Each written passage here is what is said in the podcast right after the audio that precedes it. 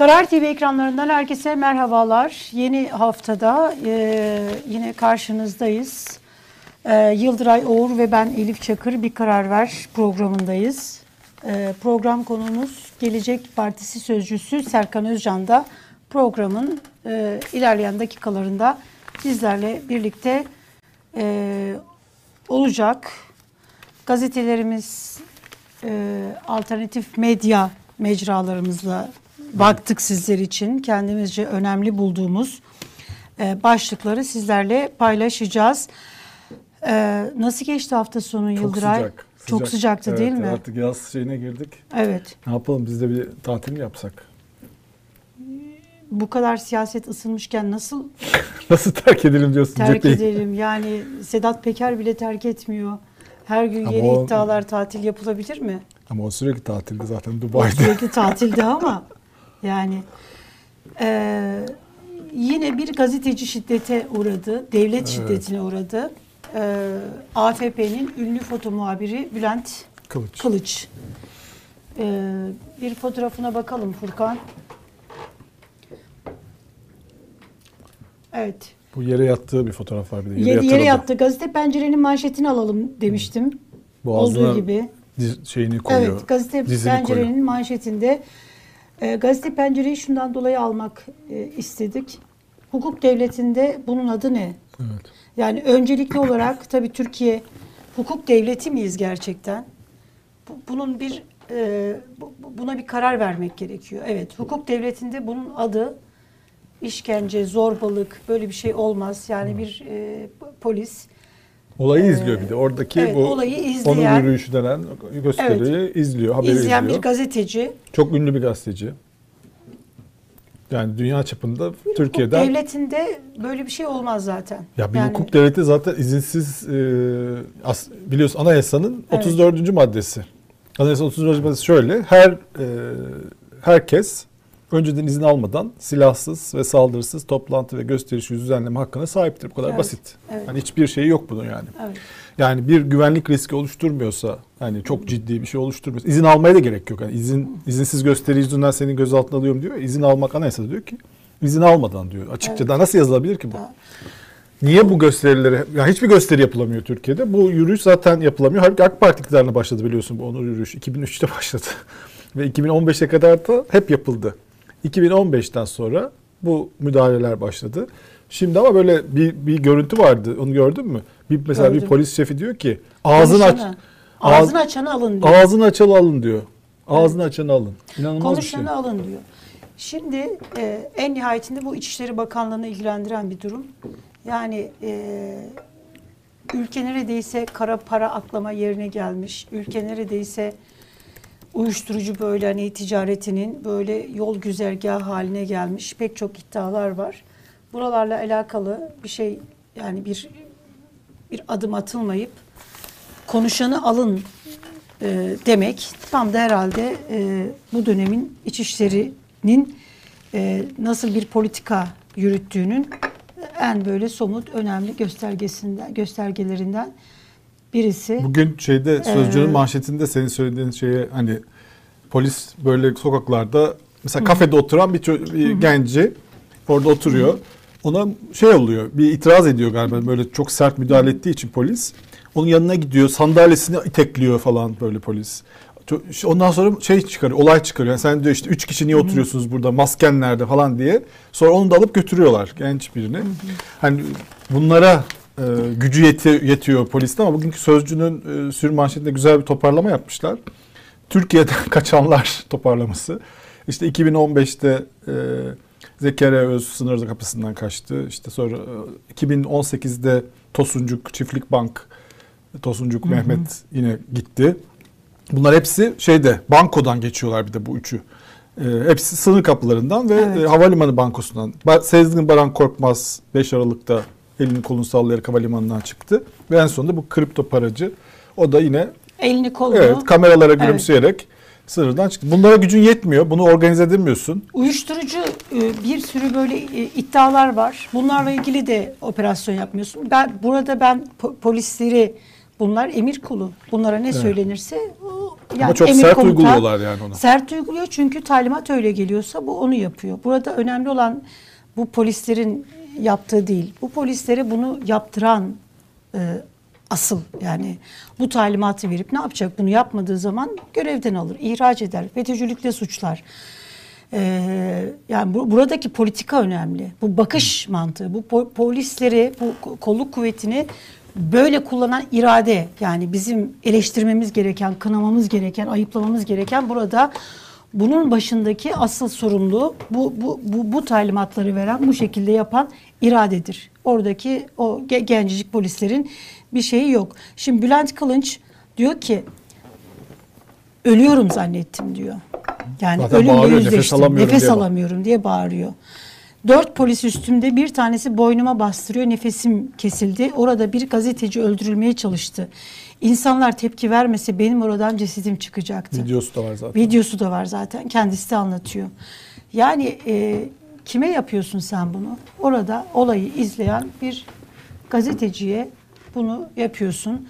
Bu da devletin yani ne hukuk devleti? Devlet var mı? Bunu tartışmamız gerekiyor artık açık açık. Yani imalarla e, işte arkadan dolanarak, dere tepe böyle dolanarak değil. Devlet var mı? Böyle bir devlet anlayışı olur mu? Bunu gerçekten tartışmamız gerekiyor. Şimdi ama Bülent Kılıç'a böyle müdahale eden, kafede oturan gence böyle müdahale eden polis bir kişiye müdahale etmedi. O görüntüyü gördün mü? Bakalım. Gördüm.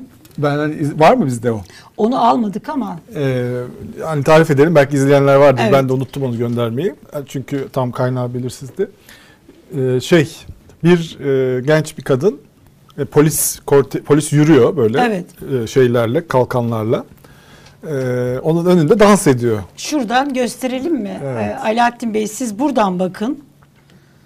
Şuradan bakalım. Evet. Ha. İşte böyle dans ediyor.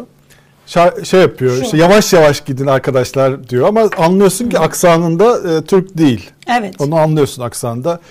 Çünkü o yavaş yavaş yaklaşıyorlar. Yaklaşmayın diyor. Yavaş ama çok sakin. İşte düdük çalıyor. Evet. İşte aşk kazanacak falan gibi şeyler söylüyor. Böyle onlarla epeyce bir yürüyor. Ee, pek polis hiçbir şey yapmıyor. Yani sokakta e, yani kafede oturan adamı alıyor. Gazeteciyi, fotoğraf çeken gazetecinin üzerine atlıyorlar falan. Ama bu şey e, kişi rahatça hani böyle Amerika'da Fransa'da falan göreceğimiz görüntüler bunlar. Hani protestoculara dokunulmuyor ya gerçekten oralarda. Evet. Bunun gibi. Niye ona dokunulmuyor peki? Hiç kimseye dokunulmasın. Hayır hayır bir dakika. Ona niye dokunulmuyor? Yani herkese, bütün herkes alınıyor, Turist. ona dokunulmuyor. Çünkü yabancı olduğunu anlıyorlar. Bakıyorlar aksanlı. Hayır turiste ihtiyaç var. İnanılmaz Yani bir şey ya. Bu Erdoğan kadar mı olur Şu ya? müzik Bu kadar yasaklarından da biliyorsun bir düşünecek ve geri adım sinyali de verdi. Hani o gün hatırlarsan konuşmuştuk. Yani bu müzikler 24'te hiç kimsenin de kimseyi rahatsız etmeye hakkı yok filan derken acaba şeyi turistler bence gelmemiştir. Bu bunu düşünürse geri adım atabilir. Yani geri adım sinyali geldi. Necip, Faz, Turist. Necip Yani. Fazıl'ın öz vatanımızda garibiz, öz vatanımıza Evet, parya evet, lafı evet, şu anda e, oturuyor yerine. Yani eğer şeysen, turistsen, yabancıysan ki o galiba Türkiye'de bir süredir yaşayan çünkü Türkçesi de var. Bir Alman sanatçı. O eyleme destek veriyor. Polisin önünde yürüyor. Yani bir Türk'ün yapması mümkün değil. Yani direkt alırlar yani. Ama aksanını anlayınca polis onun yabancı olduğunu. Dokunmuyor. Aman böyle Ya galiba yılda demokratik standartlar bir anda böyle arşa ulaşıyor o anda. Ya bu ülkede herhalde Türkiye'de Türkiye'nin vatandaşı değil Türkiye'de turist olacaksın. Evet, evet. Çok keyifli yani Yani öyle. çok keyifli. Türkiye'de turist olup gezeceksin, turist olup Protesto yaşayacaksın. demokratik Protesto haklarını yapacaksın, kullanacaksın. Demokratik haklarını kullanacaksın. Bu ülkenin vatandaşı değil, turist olmak güzel. Şey de Vallahi çok ama yani- ilginç. Bak öyle bunu kimse de demiyor ki hani bunu orada hemen herkes anlıyor. Polis anlıyor yani. Oradaki müdür hemen anlıyorlar. Bu bir yabancı ama buna dokunmamamız Dokunmuyor. lazım. Tabii. Öyle bir anlayış var demek. Şey ama var, şey diğerleri al götür. Ağzını açanı götür. Ağzı. Bugün de onun görüntüsünü, videosunu Madonna e, Instagram hesabından paylaştı biliyor musun? Instagram Evet. hesabında story olarak e, bu işte onun yürürkenki fotoğrafını şey videosunu paylaştı belki bir story olarak ve şey yazmış altına. Bu kadar polis niye burada var diye yazmış. Ey Madonna sen bilmezsin. Bizim burada neler çektiğimizi. Yani şöyle de olabilir tabii. Yani hani mesela Madonna şöyle de yazabilirdi. Hani niye bu kadar E, hani Türkiye'de böyle hani protesto yasakları Evet. vardı. Al işte. Hani şey vardı. Ne kadar özgür bir ülke. Baksana polisin önünde e, dans ediyor. Yani ne kadar özgür bir ülke falan diye de paylaşabilirdi. Yani kafa başka bir yere basmış Madonna'nın da. Böyle de söyleyebilirdi. Onu da mesela şey yapabilirdi. İktidara yakın gazeteler alıp böyle bakın Türkiye'de ne kadar demokrasi var. Madonna bile söyledi falan deyip alabilirlerdi. Yani sitcom'a çevrildiği için memleket. İçişleri Bakan Yardımcısı şöyle bir açıklama yapmış bu eleştiriler üzerine.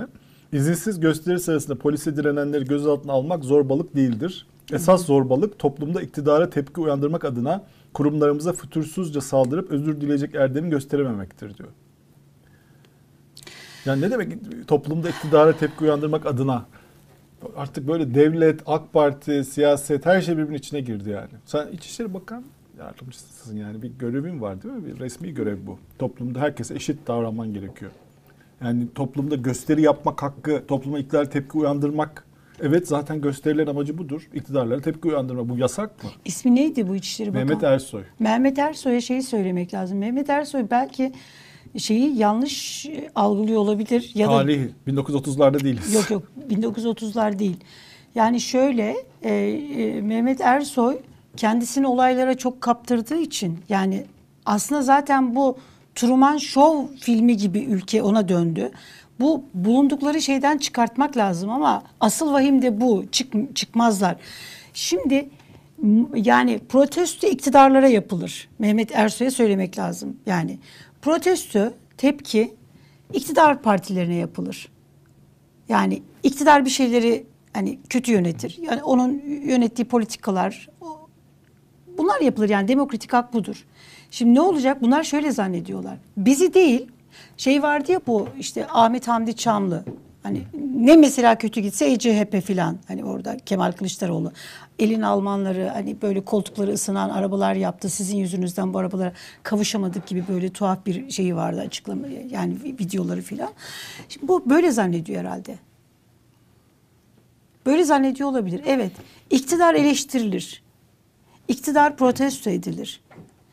Bunlar şey düşünüyorlar hani çıkın CHP'yi protesto edin. Dem- demokratik hakkınızı. İyi Parti'ye karşı kullanın. Zaten Hani bunlar- turistseniz her şey serbest. Evet ya da turistseniz her şey serbest. Bu Sezgin Baran Korkmaz'ın uçağına binmeyen kalmamış. Evet. Bu ne ya?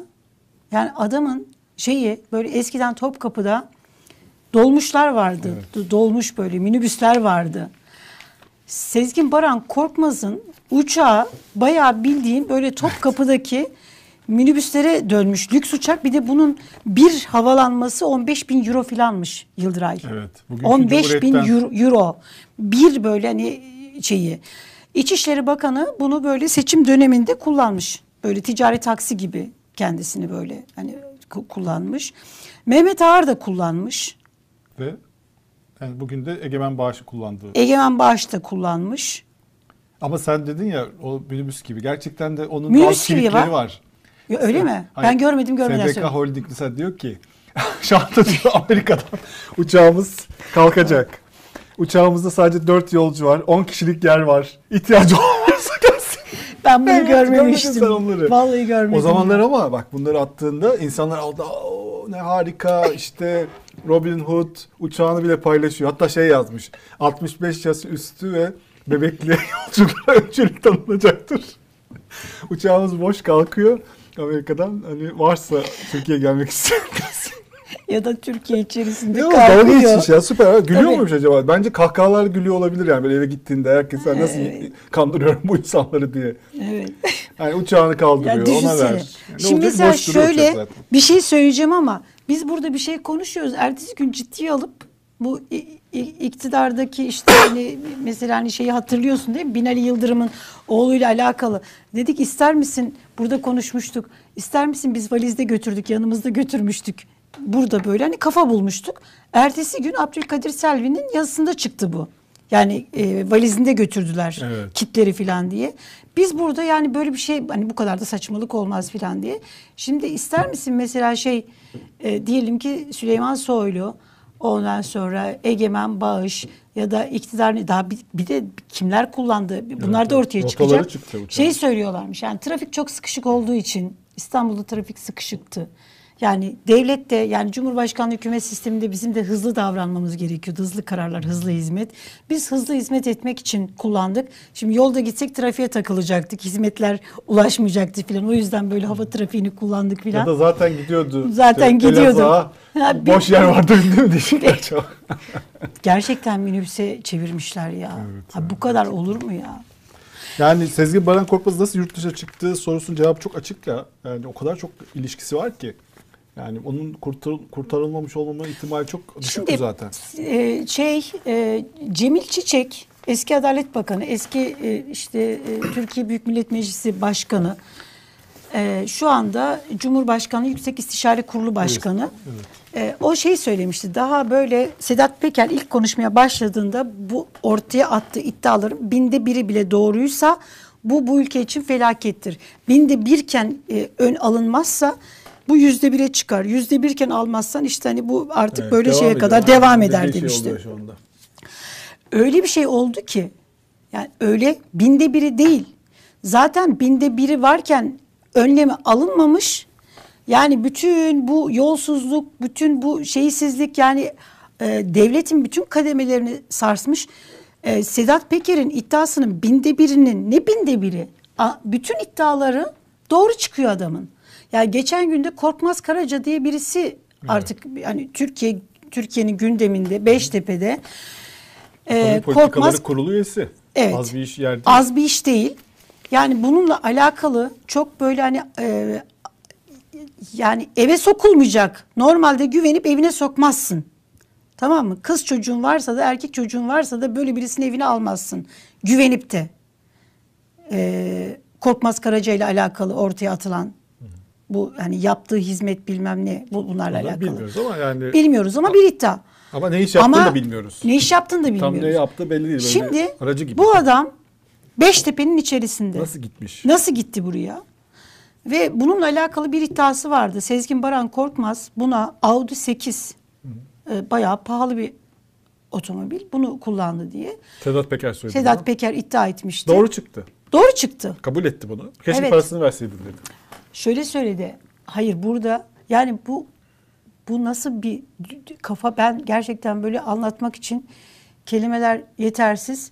Bir erdem ve fazilet örneği olarak e, ama diyor arabayı kullandığım zaman benzinini ben ödedim demiş se- şeye Saygı Öztürk'e. Allah razı olsun. Kendisini alkışlıyoruz. Bu kadar erdemli, bu kadar Sonra faziletli. tekrar bir açıklama yaptı. O zaman da e, yanlış yaptım. Arabayı keşke parasını verseydim gibi bir laf etmiş. Parasını verebiliyorsan Evet. niye bu arabayı, öyle bir paran varsa niye bu arabayı kullanıyorsun? O arabayla yani Sezgin Baran Korkmaz'ın arabasıyla ekonomi e, politikaları kurulu toplantısına gidiyor demek ki. Yani bu böyle bir saçmalık var yani burada. Şeyi Ya bu gördün mü insanlar Yıldıray? nasıl hayatımıza girdi? Mesela bence Elif Çakır e, esas Bu. konuşmamız gereken konu, Konu bu. bu. Nasıl Bütün bu girdi? karakterler bunlar e, bunları ben böyle göz ucuyla da olsa bazıları gözümüzün önünde bunlar böyle yavaş yavaş yavaş yavaş iktidarın içine doğru girdiler. Nasıl girdiler? İşte Öyle bir alan açıldı çünkü. Yani her türlü sadakat, slogan at, bağır, fotoğraf çektir, her şeyde destek. E, böyle fırsatçılar için bir fırsat ülkesine dönüştü Türkiye. Yıldıray ben sana şöyle bir şey söyleyeceğim. Şimdi burada e, asıl bence evet bu adamlar nasıl girdi? Bir buna bakmamız ama şunu da tartışmamız gerekiyor. Şimdi mesela senin etrafında sen çok iyi bir insansın. Senin etraf ya da kendim kendimden örnek vereyim tamam yani çünkü çok kötü bir örnek olacak Ne şey kadar yapmayın. güzel. Sen iyi bir insansın demiştin. Devam Ya etsin. iyi bir insansın tamam. Tamam sen iyi bir insan ol. Ben ben bir et. ben bir ikimiz de iyi insan olalım. Tamam, Tamam. sağ ol. ikimiz de iyi insan olalım. Yani öyle görünüyor zaten başka da şey kalmıyor. Ee, şimdi ya yanında senin Yıldıray yanında Ahmet diye birisi var.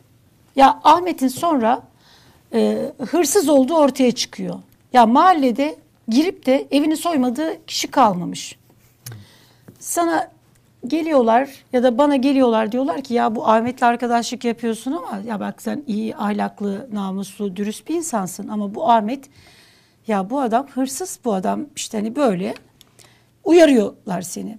Sonra bir gün senin yanında bu sefer de Mehmet diye birisi çıkıyor. O Mehmet'in de e, bakıyorsun başka böyle kötülükleri var. Tamam mı? Sonra işte Ayşe diye birisi çıkıyor. O başka. Yani etrafında 10 tane arkadaşım var. Onu da birbirinden kötü. Hepsi böyle bir böyle bir hani e, e, nasıl söyleyeyim kimisi hırsız, kimisi işte yolsuz, kimisi yalancı, kimisi bilmem ne filan. Ya bir insanın etrafında Yıldıray 10 tane insan kötü insan olur mu?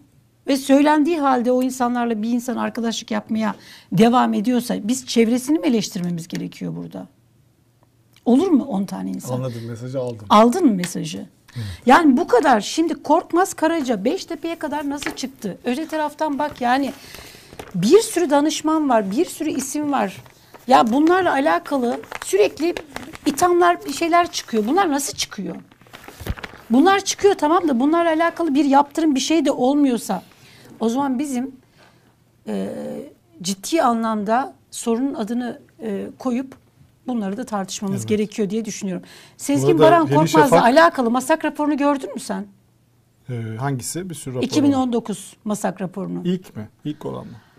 Çünkü 3 tane rapor olduğu söyleniyor. 20'de e, 2020'de bitiriyorlar bu masak raporu. 2020'de bitiriliyor. E, bunu okudum ben.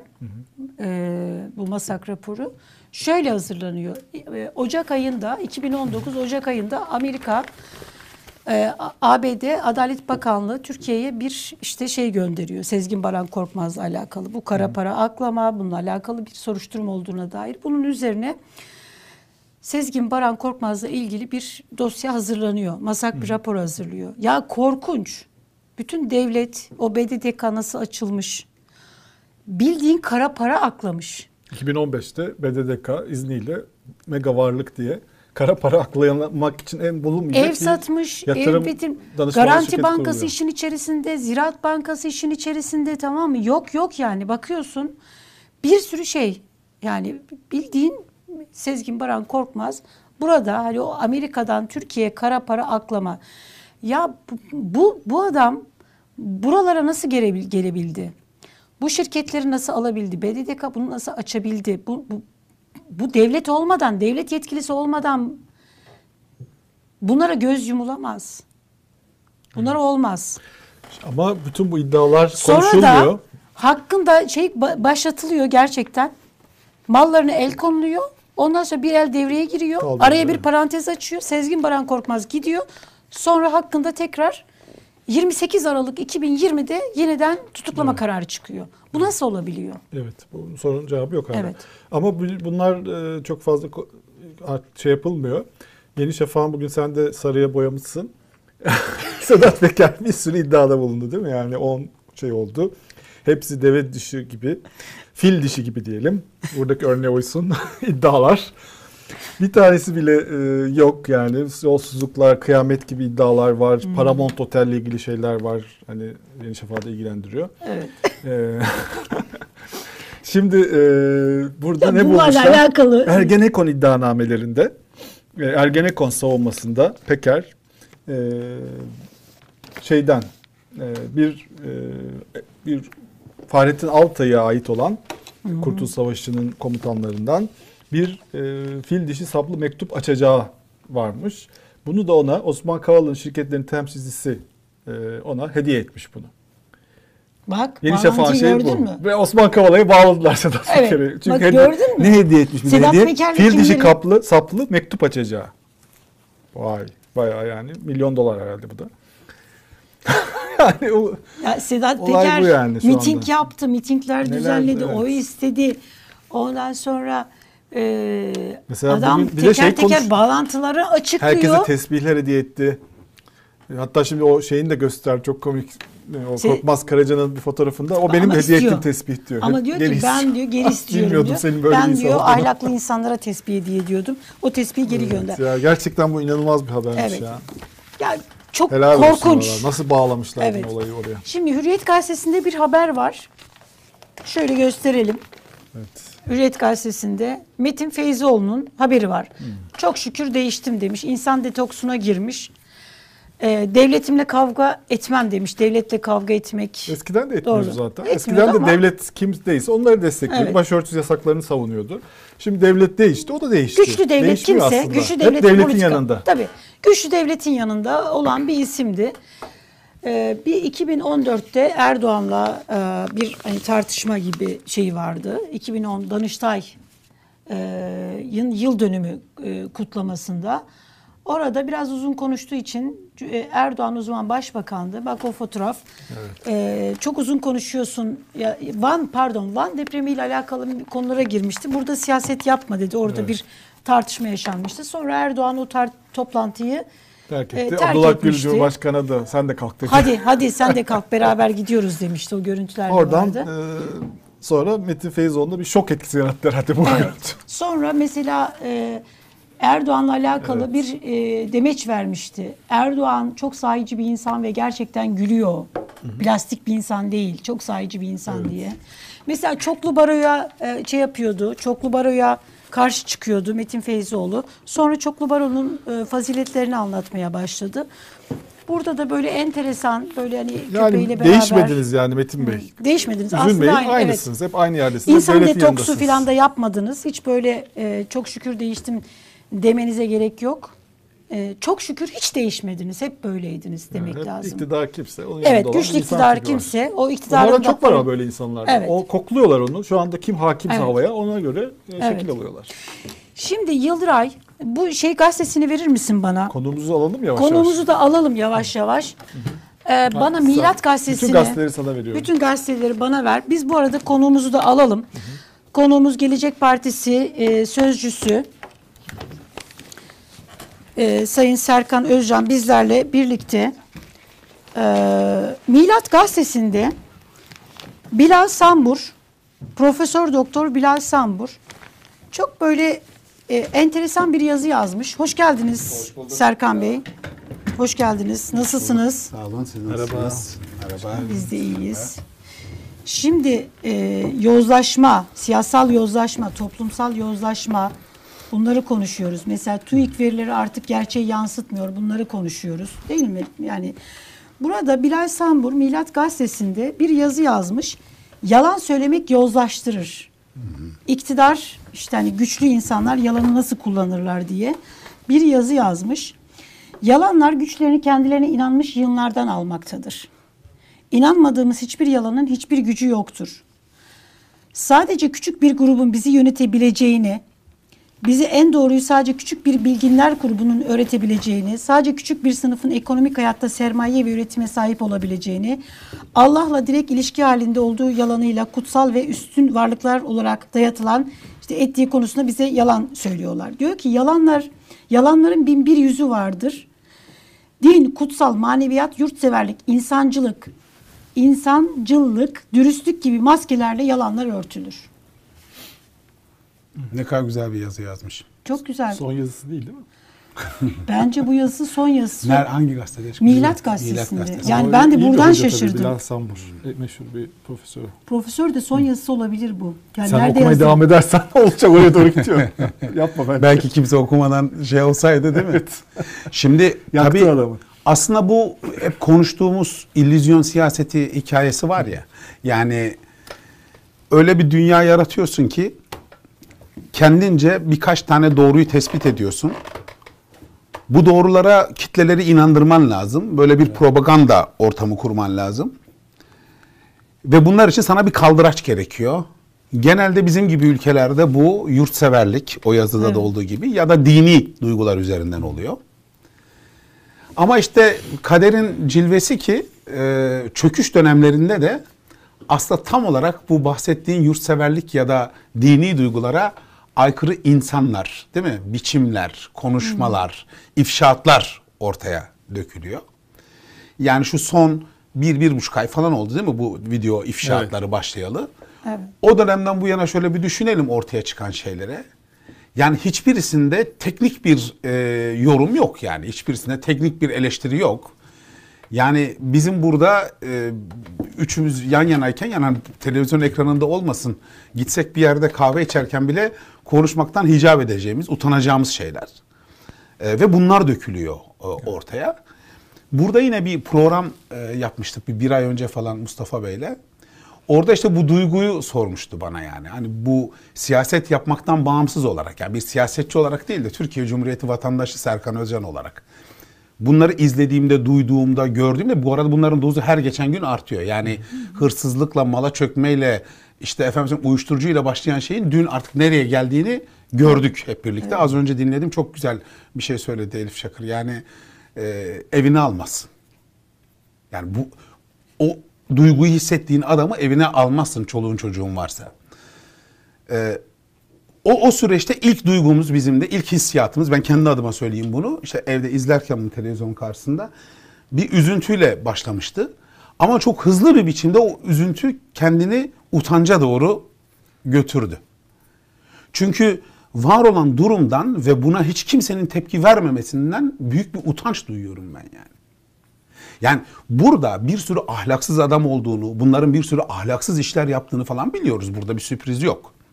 Asıl sürpriz e, toplumun, hadi toplumun da demeyelim çünkü buna ciddi reaksiyon veren insanlar da var. Sosyal medyasında da var, sokakta da var, oturup kalktığımız yerlerde de var falan. Bir, bir şey yine görüyorsun orada reaksiyon.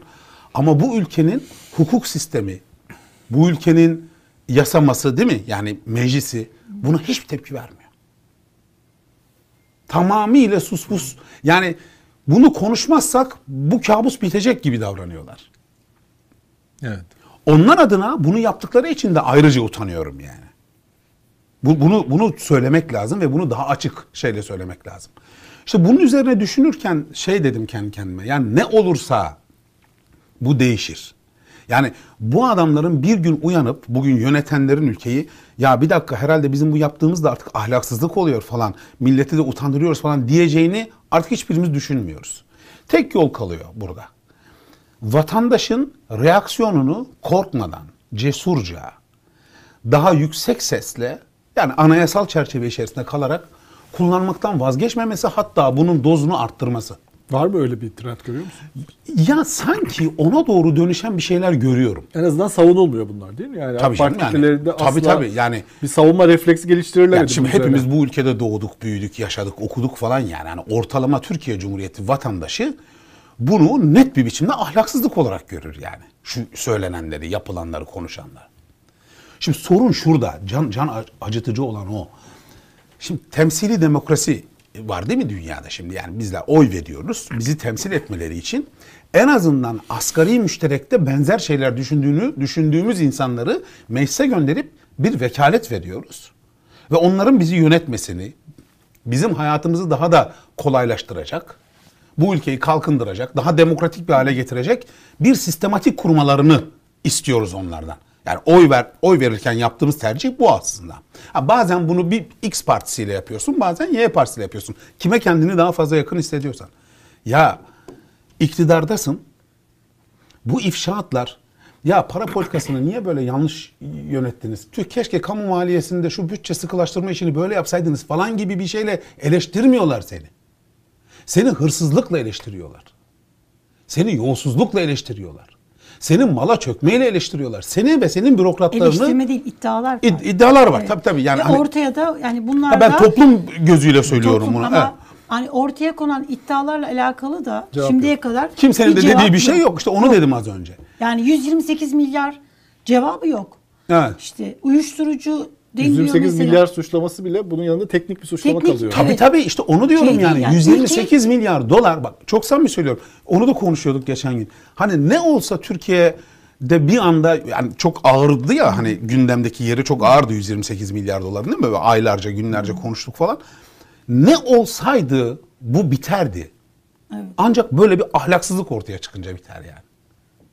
Ya bir dakika beyler 128 milyardan çok daha önemli bir sorunumuz var. O sadece bir Noktası- beceriksizlik olabilir yani. ya o beceriksizliktir, yanlış politikadır, bana sorarsan gayri hukukidir falan. Bunları siyaset yani ya şimdi mesela Kibar bir tartışma düşünsene karşında karşında iktidar mensubu gelmez de geldi oturdu. Ben 128 milyar dolar meselesini konuşurken hala karşımda saygıdeğer bir insan olduğunu varsayarak konuşurum. Evet. Hırsızlığın nesini saygıdeğer konuşacağım? Ahlaksızlığın nesini saygıdeğer konuşacağım? Yani şu anda ben iktidardan birisiyle eşit şartlarda bu meseleyi konuşuyor olsam dün Sedat Peker'in attığı tweet'i ben nasıl konuşacağım ya? Sen bu adamı o saraya nasıl soktun kardeşim? Hiç mi utanmadın ya? Ya adamla ilgili ortaya çıkan şey senin sen evine nasıl gidiyorsun ya? Ailene nasıl anlatıyorsun bu durumu? Tabii ortada bir iddia var. Bilmiyoruz doğruluğunu. Ama bir de bir trend var. Bu Ama adam başka yerde siyaset yapmış. Şimdi normalde bir normal Bağırması lazım tabii. bağırması, İnsan böyle bir şey duyduğunda. feryat figan bağırması lazım. Siz kimsiniz? Benim na- namusuma, ahlakıma böyle söz ediyorsunuz Diyebilmesi lazım. lazım. Yani e, ve bu bu mesela diyelim ki insan insan utanır. Bu iftiranın e, altından kalkamayacağını düşündüğünde yaşamına son verir. Ama hiç kimsede hiçbir şey yok. Yani bence Yok hani, yani yok böyle bir şey yok denilmiyor. Bak sessizlik. Ya bu arada hiçbirisi için den- denmedi yani. Sadece bu son şey için Süleyman söylemedim. Soylu ilk iddialar için iki defa televizyona çıktı. Ondan sonra vazgeçtiler bundan. Bak şimdi Ama sayın çıktı da Ya o bile o bile bir şey kaldı bu, İçişleri- bunun yanında. Hayır bir ama şey bir şey kaldı. diyeceğim. Demokratik seviye Bak yüksekti mesela o o- günlerde. hayat hikayesini anlattı. Ya Çıktı, neyse ne yani yaptı? çıkıp Evet. konuştu. En azından hesap verme ihtiyacı hissetti. Bu, buna ben katılıyorum. Bu, bu çok doğru bir tespit. Yani susmak yerine en azından bunu söylemek. Ama çıktığında şunu hepimiz gördük değil mi bir toplum olarak. Süleyman Soylu kendiyle ilgili iddialara cevap vermemek için çıktığı bir program oldu o. Ve işte iki saat sürdü o program. 45 dakikası 2015 yılında Ahmet Davutoğlu'na nasıl darbe yaptımla geçti yani. Kalan bir saatinde de bir dakika ona geleceğim deyip hiç gelmediği bir sürü iddia havada e, bulundu. Ve öyle- tek anlamlı soru yani tek kendisini mutlu eden soru bugün artık o grupla çalışmayan gazeteciden geldi. Kendinizi yalnız hissediyor musunuz? İki kere sordu. İki kere sordu. Çok önemli. Ve o gazeteci şimdi yok. Çünkü onunla ilgili ifşaatlar ortaya çıktı ve o gazete işte o medya grubu o insanla yolunu ayırdı. Ya şimdi burada ya iki tane şeyin altını çizmek çizmeye çalışıyorum arkadaşlar. Ya bir tanesi yasamada benim vekaletimle orada oturan milletvekili bu duruma nasıl katlanıyor? Ya birinci sormamız gereken şey bu. Yani bizler böyle çok ahlak bekçileriyiz de sizler ahlaksızsınız gibi söylemiyorum bunu. Bunu duyuyorsunuz, iliklerinize kadar hissediyorsunuz ortadaki ahlaksızlığı. Ama bir şeylerden korktuğunuz için sırf milletvekilliğim devam edebilsin e, kafasıyla bir sonraki seçimde yeniden aday olabileyim ya da başımı belaya sokmayayım ya da sizin de girdiğiniz kirli ilişkiler nedeniyle bunlar ortaya saçılmasın diye susuyorsunuz. Yazıklar olsun. İkincisi toplumda az önce söylediğin yani bir yükselen şey var bunun daha da artması lazım. Artık erken seçim talebini sadece muhalefetin yapması şey değil yani. Yeterli değil. Bu rezaletin üzerine erken seçim talebi toplumdan gelmeli yani ve daha daha yüksek sesle gelmeli. Bizim sorgulamamız gereken ortaya saçılan şeylerle ilgili üç aşağı beş yukarı bunların çok ahlaklı adamlar olmadığını, bunların bir mantığının, bir efendime söyleyeyim bir ideolojisinin, bir e, aklının, bir planının olmadığını falan biliyorduk. Yani bu kadar ahlaksızlaşma hepimize sürpriz oldu ama ya şunu biliyorduk ama biz yapmamız gereken şey bugün itibariyle ortaya saçıldıktan sonra bazı şeyler susmamak. Serkan Bey şimdi tamam yani bu haklı, haklısınız ama şöyle de bir şey var. Hala mesela e, kamuoyu araştırmaları e, Sedat Peker'in iddialarının yani bu ortalığa saçılan artık böyle taşınamaz iddiaların e, AK Parti seçmenin %35'in haberinin olmadığını gösteriyor. Burada da işte hani televizyon çünkü ha- hayatı boyunca iktidar kanalını izliyorsa, gazeteyi seyrediyorsa, şimdi Hürriyet gazetesine baktığı zaman ne görecek? Sabah gazetesine bakan ne görecek? Plaj, e, CHP'li Yani, birilerine evet. plaj verilmiş. Evet. Öyle bir haber var. Şimdi Yeni Şafak gazetesine bakan ne görecek? Yani Yani şu nasıl? mu? Şimdi toplumsal, toplum ön- öncelikli olarak toplumun bu konuda dolayısıyla burada hani bir aynı zamanda siyasetçisiniz siz. Bunun olabilmesi için daha böyle hani siyaset siyaset kurumunun yapması gereken Çok fazla şey var. fazla şey yok Çok mu? fazla şey var. Yani bir defa e, Çünkü Erdoğan da tam da buna dayanarak olmalı ki Doğru. diyor ki sosyal medyada dolaşıyor. Bunun halkta karşılığı yok. Ciddiye almayalım. Evet. Söylemi var. Şimdi Şimdi, bunu de- da ta- bunu da konuşmamız Hı, gerekiyor. çok doğru, çok haklısınız. Yani şimdi şunu söyleyelim çok açık bir biçimde. Eğer bu toplum bütün bu ifşaatlara, ortadaki rezalete, ahlaksızlığa, çürümeye karşı hepimizin beklediği o reaksiyonu göstermekte yavaş kalıyorsa. Mesela az önce benim söylediğim erken seçim talebi konusunda mesela bizim istediğimiz kadar istekli olmuyorsa. Burada ben her şeyden önce başta kendimiz olmak üzere muhalefet partilerini eleştiririm.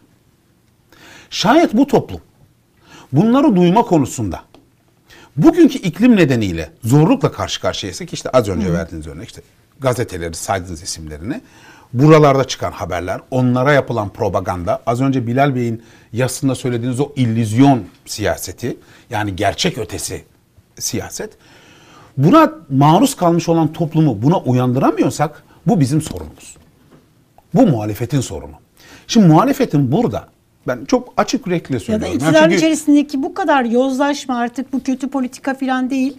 Ortaya çıkan artık kelimelerle ifade edilemeyen bu, bu, bu şey karşısında iktidar siyasetçilerinin de bir tepki göstermesi. Doğru. Yani burada mesela ben bunu nasıl demesi. talep ediyorsam bugün AK Parti milletvekillerinden yani şu ahlaksızlığı, şu çürümeyi siz görmüyor musunuz? Neden bir taneniz bile sesini çıkarmıyor ya da yargı kurumuna dönüp ya bir tane savcı yok mu şunlarla ilgili bir soruşturma başlatsın deme hakkını kendimde nasıl buluyorsam adil olmak açısından şunu da açık açık söylemem lazım. Bugün muhalefet hala toplumun yüzde otuzuna otuz beşine bu bilgiler, bu olan biten, bu çürüme, bu yolsuzluk, bu talan düzeni gitmiyorsa, ulaşmıyorsa bunda da muhalefet kendisine bir iğneyi batırmak zorunda. Ha şimdi burada e, eski ezberlerle veya işte hep böyle alıştığımız kalıplar içerisinde şu şunla yan yana görünmesin ama bununla ilgili bir şey söylersek bizim tabanımızda şöyle algılanır siyasetinden bir dakika kardeşim ortada çok daha mühim bir mesele var. Biz bunları konuşacak durumda değiliz. Şu anda muhalefetin temel ideolojik konularda birbirinden olan farklı düşünmesini bir miktar erteleyebiliriz yani. Tamam mı? Ya bunun bunun için e, bugün uygun bir zaman değil.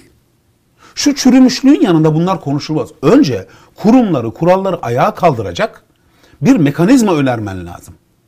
Bu bir dönem olmalı ve bu bu rehabilitasyon yapılmalı ki yeniden Türkiye'de siyaset konuşulabilsin.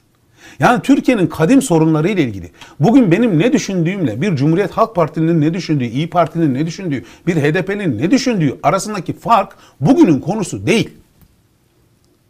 Ve galiba mesele işsizlik sorunu falan da geçti enflasyon. Tabii tabii işte onu diyorum. Evet. Onlar teknik meseleler. Az önce çok güzel söyledin. Yani 128 milyar dolar işte mesela ahlaklıca tartışılabilecek bir şey değil mi? Yani mesela gayri ahlaki de bulsan yani karşındaki insana bir ahlakla hala hitap edip konuşabileceğin bir şey. Ya bunun neresini konuşacaksın ahlakla?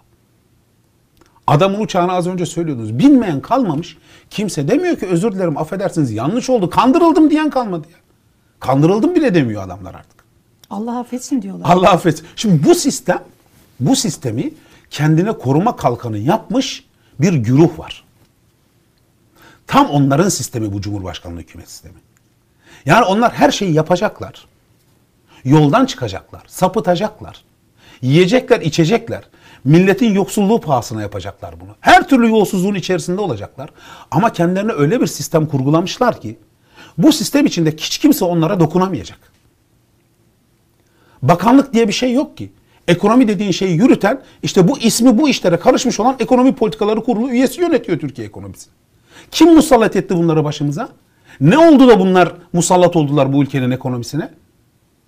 Cumhurbaşkanlığı hükümet sistemiyle oldular. Şeffaf olmayan, hesap vermeyen, kimle ne ilişkileri olduğunu bilmediğimiz, yani bir suç örgütü lideri açıklayıncaya kadar adamın ne iş yaptığını, adamın altında kimin arabası olduğunu bilmediğimiz bir sistemin içindeyiz. Çünkü şeffaf değil. Çünkü hiç kimseye Onu- hesap O vermiyor. arabayla gidiyor. e, O arabayla gidiyor Cumhurbaşkanlığındaki toplantıya belki. Ekonomi Politikaları Kurulu toplantısına. Yeni park etmiş oldu. Gidip neyse holdingin önüne park ettiğini açıkladı yani. Bir Tabii, tabii. bir vaka ortaya çıkınca bunu bunun altını çizelim yani. Bir mesele ifşaat ortaya çıkınca kabul ediyor. Diyor ki evet diyor keşke diyor arabayı kendi paramla alsaydım.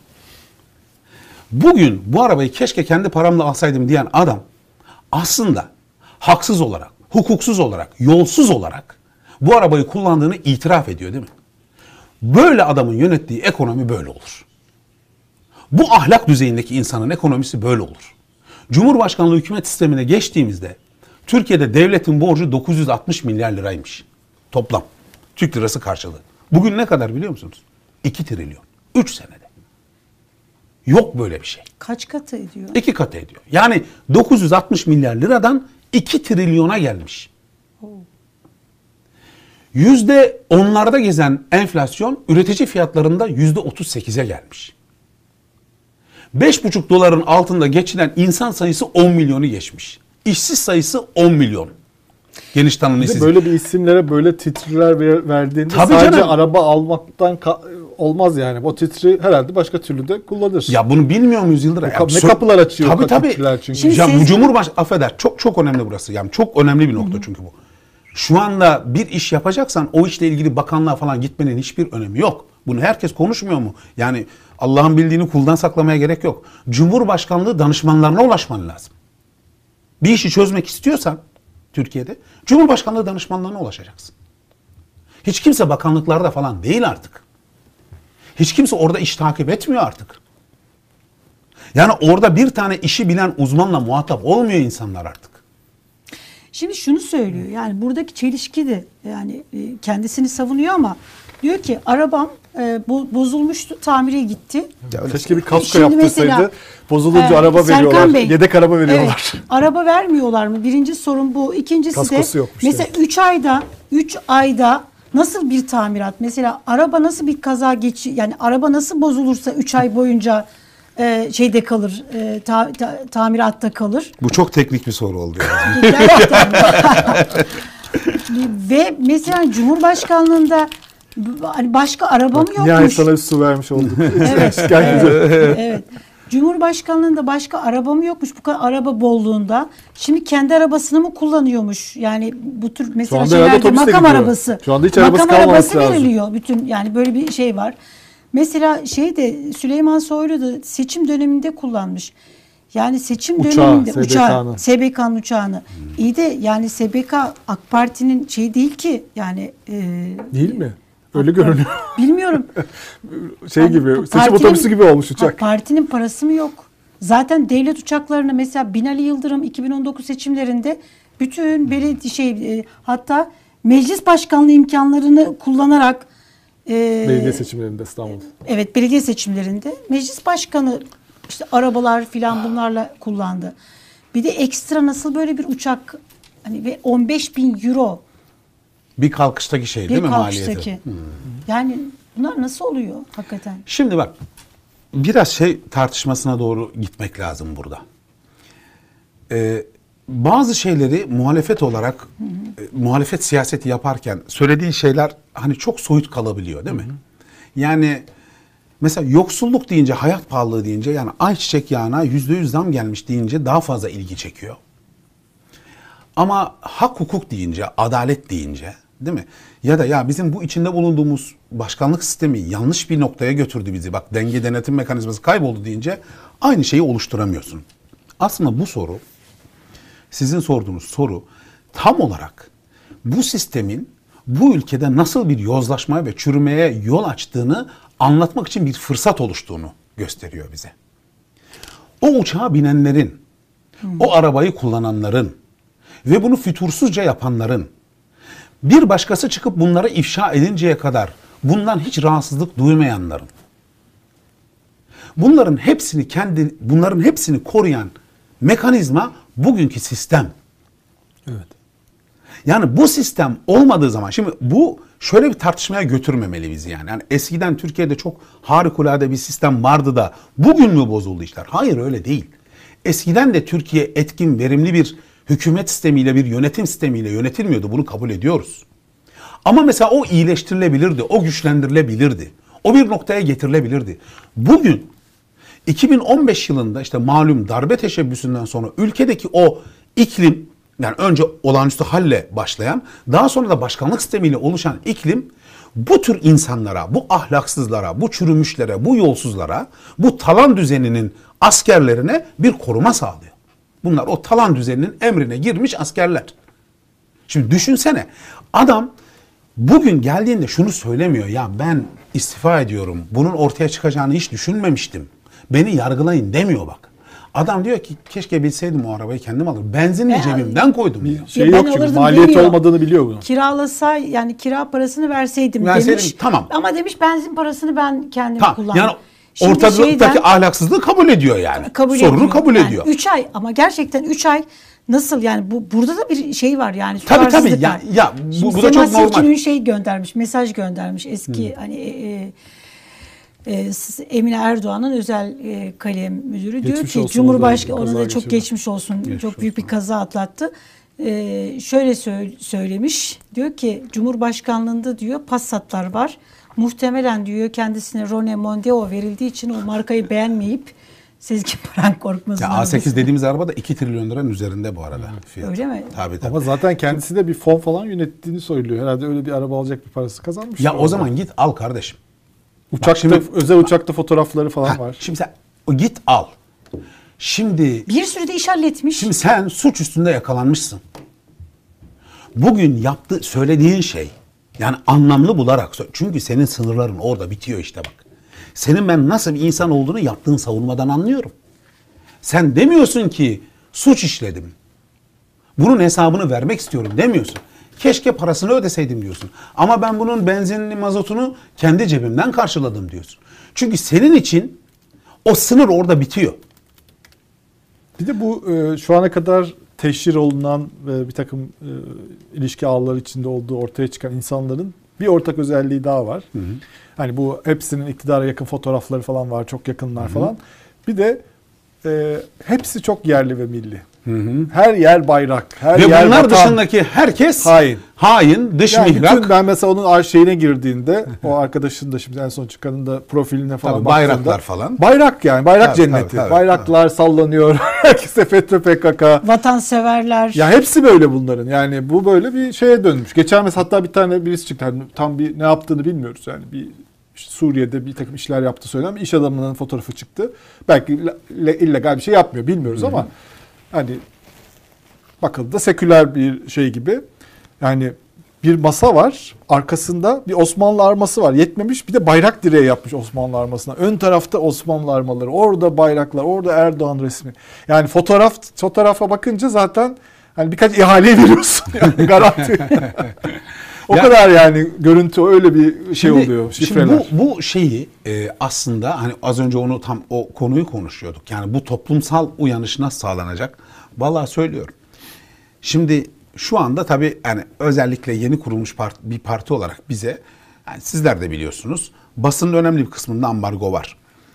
E, Ama mesela Cumhuriyet Halk Partisi'nde o boyutta yok değil mi? Yani niye? Ana muhalefet partisi işte meclise temsil ediyor. Biraz İyi Parti'ye de hani o anlamda daha şey. Onlar çıkıp televizyonlarda bunu yapıyorlar. Biz de bulduğumuz, imkan bulduğumuz her yerde bunu yapıyoruz. Bulmasak kendi YouTube kanalımızı kurar orada yaparız tamam mı? Ama bundan daha fazlası gerektiği bir, bir açık yani. Bunu bunu da kabul etmek lazım. Yani yüzde 30-35 oy Çok ciddi bir biraz biraz bize bunu söylüyor. Bunun içinde işte bu saha siyasetini güçlendirmek. Sadece liderler şeyinde de değil yani özelinde de değil. Kendini yani siyasi bir görüşü olan herkes yani illa bir partiye bağlı olarak da değil.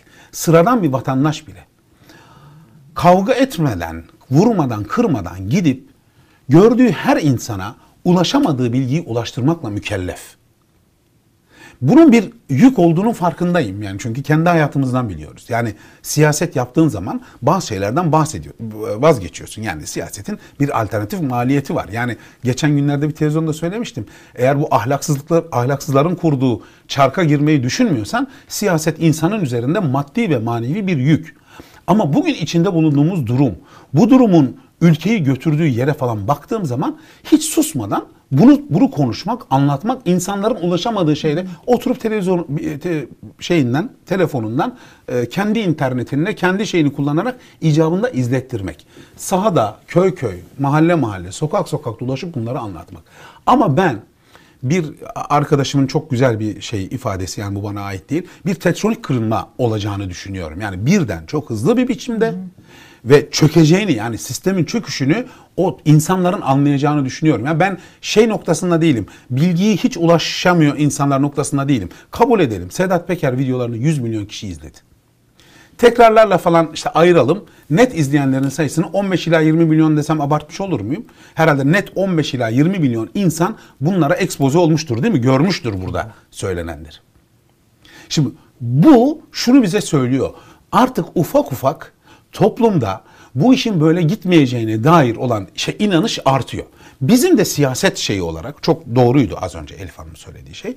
Siyaset olarak bunu daha fazla dinlendirmek ve gerekiyorsa bugün içinde bulunduğumuz kalıplardan kurtularak bir araya gelerek bunları söylemek gibi bir ihtiyacın içerisindeyiz. Yani bugün o siyasetin bize daha doğrusu siyasetin de değil bunu daha çok iktidar yapıyor ama bizi sokmak istediği kalıp var ya işte Gelecek Partisi şu konuyla ilgili bir şey konuşamaz. Çünkü yakın olduğu kesimleri şu konuda rahatsız etmek istemez. Ya da İyi Parti bunu böyle yapmak istemez. Noktasından çıkıp bütün siyasi partilerin çok temel şeylerde ahlakta, hukukta, adalette, bu talan düzeniyle mücadelede, ekonomide ortak şeyler de söyleyebilmesi lazım. Evet. Bunun kimin kazancına olduğunun gerçekten bir önemi yok. Burada önce bir millet kazansın ki yeniden siyaset yapabilelim. Bugün yaptığımız şey siyaset mi Allah aşkına? Yani şu konuşmaların üzerine bizim konuşuyor olmamız siyaset mi? Ülkenin hangi sorununa şunları konuşurken detaylı bir inceleme yapabilirsiniz? Bak 128 milyar dolar meselesi Türkiye tarihinin hatta dünya tarihinin gördüğü en gayri hukuki, en gayri meşru, en saçma sapan politikalarından birisi ve bedeli çok ağır oldu. Ama bak onu bile şu ifşaatlar ortaya çıktığından beri konuşamaz hale geldik. Çünkü artık 128 milyar doların bile siyasetini yapamaz durumdayız. Yani ahlaktan, temel yönetme kabiliyetinden, yeterliklerinden bahseder hale geldik. Ve karşımızda kontrolünü kaybetmiş, her gün pot üstüne pot kıran, artık ne söylediğini bilmeyen, prompterdan çıkınca eskiden karşı karşıya kaldığımız problemleri artık prompterda bile yaşadığımız bir yönetici şeyi var yani güruhu var. Bir topluluk var. Şimdi şu başka bir konuya geçelim. Bu e, hafta sonu yaşanan bir e, Kanal İstanbul'la ilgili bir köprünün temel atma töreni yapıldı. O köprünün de tam olarak Kanal İstanbul'la ilgili olup olmadığı ile ilgili de tartışmalar var. Neyse. Orada Cumhurbaşkanı e, bu bu Kanal İstanbul projesine işte kredi verenlerle ilgili işte biz ödemeyeceğiz, iktidara gelirsek bunu ödemeyeceğiz diyen işte muhalefette başta CHP olmak üzere onlara kastederek prompter dışına çıkarak diyelim. Anlaşılıyor çünkü prompter dışına çıktı orada. Ee, işte bu çok terbiyesizce bir şey dedi. Bunlar devlet yönetimi bilmiyor dedi ama şöyle bir cümle kullandık. Bu çok tartışılıyor. Birkaç gazetenin manşetinde. Söke söke bu parayı uluslararası tahkim yoluyla sizden alırlar dedi. Bu laf ne anlama geliyor? Yani Sayın Cumhurbaşkanı, bugün AK Parti'yi yöneten yöneticiler, bu ülkede sadece kendilerinin yerli ve milli olduğunu iddia eden siyasetçiler bizi Londra'daki tahkimle mi tehdit ediyorlar? Nerede yerli millilik? Yani ülkenin yerli milli politikacıları bizi Londra'daki uluslararası tahkimle mi tehdit ediyor? Bir dakika. Hani bunlar beş kuruş cebimizden çıkmadan yapılıyordu? Hani siz eser siyasetçisiydiniz? Hani büyük eserler bırakıyordunuz bu ülkeye? Hem de hiçbirimizin cebinden beş kuruş çıkmadan bırakıyordunuz. Millete hiçbir yükü olmayacaktı hani bunların. Bu savınızdan vazgeçtiniz. Bunlarla ilgili akla hayale sığmayacak hiçbir iktisadi ve finansal fizibiliteye uymayan projelerinizi şimdi de bizi, milleti tehdit etmek için tahkimi mi e, kullanıyorsunuz? Şimdi önce bir defa şunu görmek lazım. Onu muhalefet de gördü. Türkiye'deki okuyan, yazan, bu işlerle ilgilenen herkes de gördü ki Sayın Cumhurbaşkanı prompterdan çıktığı anda aslında şu itirafı açıkça yaptı. Ben gidiyorum. Benim burada işim bitti. Yani Sayın Erdoğan'ın birçok konuda eleştirebiliriz ama gideceğini görecek kadar siyaseti bildiği konusunda hiçbirimizin şüphesi yoktur herhalde. Yani siyasetin o kadar bilir. Gidiyorum. Arkamda size devasa bir borç bırakıyorum. Bu borcu da sizden Bu borcu da sizden söke söke alırlar diyorlar. Ben de şunu söylerim. Bir siyasetçi topluma dönüp şu borcu sizden söke söke alırlar diyebilmesi için bu ülkenin verdiği, kaybettiği tamam mı? Bu çürüme nedeniyle yok ettiği, ortadan giden, kaybolan bütün varlıklarını önce söke söke alacak. Sosyal medyaya da yansıdı, biz de söyleyelim. F-35'lere verilen parayı söke söke al. 750 milyon dolar propagandanızı yapmak için kurdurduğunuz, e, ödediğiniz Ziraat Bankası'ndan verdiğiniz krediyi söke söke alın. 180 milyar lira bu ülkede saçma sapan para politikası yönetimi nedeniyle ödediğiniz faizi faizcilerden gidin söke söke alın. Ondan sonra söke söke alma meselesini konuşuruz. İki ve bence daha önemlisi. Uluslararası tahkim günün sonunda böyle bu kadar hukuktan uzaklaşmış insanların atladığı gerçekler var. Uluslararası tahkim günün sonunda bir hukuk meselesi, bir hukuk konusu, normlara dayanan bir konu. Bugün, dün de herhalde, dün T24'te Barış Soy'dan harikulade bir yazı yazdı. Ve uluslararası tahkimin nasıl çalıştığını, işin içinde yolsuzluk olduğu zaman, talan olduğu zaman nasıl sonuçlandığını Kenya'daki bir örneği vererek çok güzel anlattı. Herkese tavsiye ederim. Lütfen Barış Soydan'ın bu yazısını okusunlar. Uluslararası tahkim ortada bir yolsuzluk varsa, ortada çalma varsa, çırpma varsa, bununla ilgili iddialar varsa bunları soruşturan, araştıran bir mekanizmadır. Bizim bütün şeyimiz başından beri iddiamız bu yapılan işlerin, bu kamu özel işbirliği projelerinin hiçbirisinin gerçek değerinde yapılmadı. Bu işin içinde yolsuzluk oldu. Tamam mı? Tadilat diye projeler başladıktan sonra yapılan düzenlemelerle bu ülkenin paralarının çarçur edildiği yönünde. İktidara geldiğimiz gün yani Sayın Cumhurbaşkanı herhalde bütün ekonomistleri, Türkiye'deki ekonomistleri, muhalefetin ekonomistlerini kendi ekonomi politikası kurulu üyeleri gibi zannediyor. Biz bunun kimden nasıl söke söke alınacağını çok güzel anlatırız. Çok güzel bu ülkeyi, bu memleketi, bu milletin hakkını savunuruz. Bunlar 3-5 günlük işler. Gerçekten ekonomiyle ilgilenen insanlar için yani başka işlerle değil de kendi ekonomi politikası kurulu üyelerinin yaptığı gibi işlerle değil de gerçekten ekonomiyle, bilimle, hukukla ilgilenen insanlar için bunlar 3-5 günlük işler. İbrahim Kahveci bugün kararda sizin de baş sayfadan verdiğiniz, ana sayfadan, ilk sayfadan verdiğiniz bir evet manşetten verdiğiniz bir haber paylaştı. İbrahim Bey'in yazısını da lütfen herkes okusun. Bugünkü yazısını Karar Gazetesi'ndeki.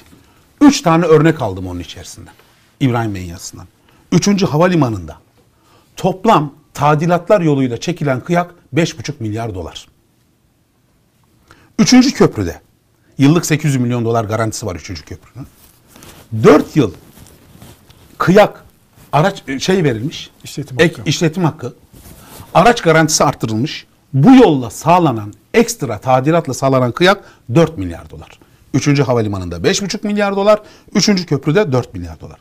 Şehir hastanelerinde 25 yıllık yapılan anlaşmalar için tadilatlarla ek- eklenen ekstra kira süresi 5 yıl. Toplam yatırım 10 yıl. Toplam taahhüt 142 milyar dolar. Hangi baba yiğit gelip söke söke alacak bunları? Hangi baba yiğit gelip söke söke alacak? Yani iktidara geldiğimizde yarın bu hizmeti yapma hakkı şansı bize verildiği zaman bunları önümüze alıp ki bu arada sizler de şahitsiniz 15 Haziran 2020'de biz ekonomide gelecek modelini açıkladığımız gün yani yazılı olarak da bizim Gelecek Partisi Ok.tr'den girip insanlar bakabilirler buna vatandaşlar. Orada çok açıkça bunların hepsini bu masaya çağıracağız. Bu projelerin gerçek değeri ne kardeşim? Buna karşılık size yapılan ödemeler ne? Ne oldu da bu tadilatlar yapıldı? Siz bu gerçek değerin ne kadar üzerinde bir anlaşma yaptınız? Kanal İstanbul'la ilgili bunu söylüyor, söylüyoruz gibi anlaşılıyor. Çünkü ortada Kanal İstanbul'la ilgili henüz bir finansman falan filan bir şey yok. O bu ön uyarı yapıyoruz aslında Kanal İstanbul'la ilgili. Ama yanlış anlaşılmasın yani. Mesele sadece Kanal İstanbul meselesi değil. Bugüne kadar yapılmış havalimanından, köprüsünden, şehir hastanesine kadar. Ne kadar gerçek değer üzerinde bir ödeme varsa asıl biz onları söke söke alacağız. Bu paralar ödenmeyecek yani. Bunu herkes bilsin. Bu paralar ödenemez. Peki- uluslararası tahkim de bu kadar yolsuzluğun, batağın, tadilatın bulaştığı işler için Türkiye'nin aleyhine karar falan vermez. Biz ülkemizi savunuruz. Peki bu muhalefetin bu itirazları yani bunu ödemeyeceğiz. Mesela şimdi siz de yaptığınız gibi. Kesinlik bak hiç İşe yarıyor mu bu? 5 Yani- kuruş ödemeyeceğiz. Şimdi bunu söylüyorsunuz ya. bu- Kılıçdaroğlu da söylüyor. Cumhurbaşkanı da bunu sinirlendiği görülüyor. İşte ve uluslararası tahkimle e, söke söke alırlar diyor. Böyle diyemezsin diyor. Bu şimdi bu Kanal İstanbul projesinde krediye ihtiyaç var değil mi? Yani bir Tabii. kredi bulunacak. Tabii canım, tabii. Mesela bu sözler, muhalefetin bu çıkışları, yani neredeyse bütün muhalefet aynı şeyi söylüyor.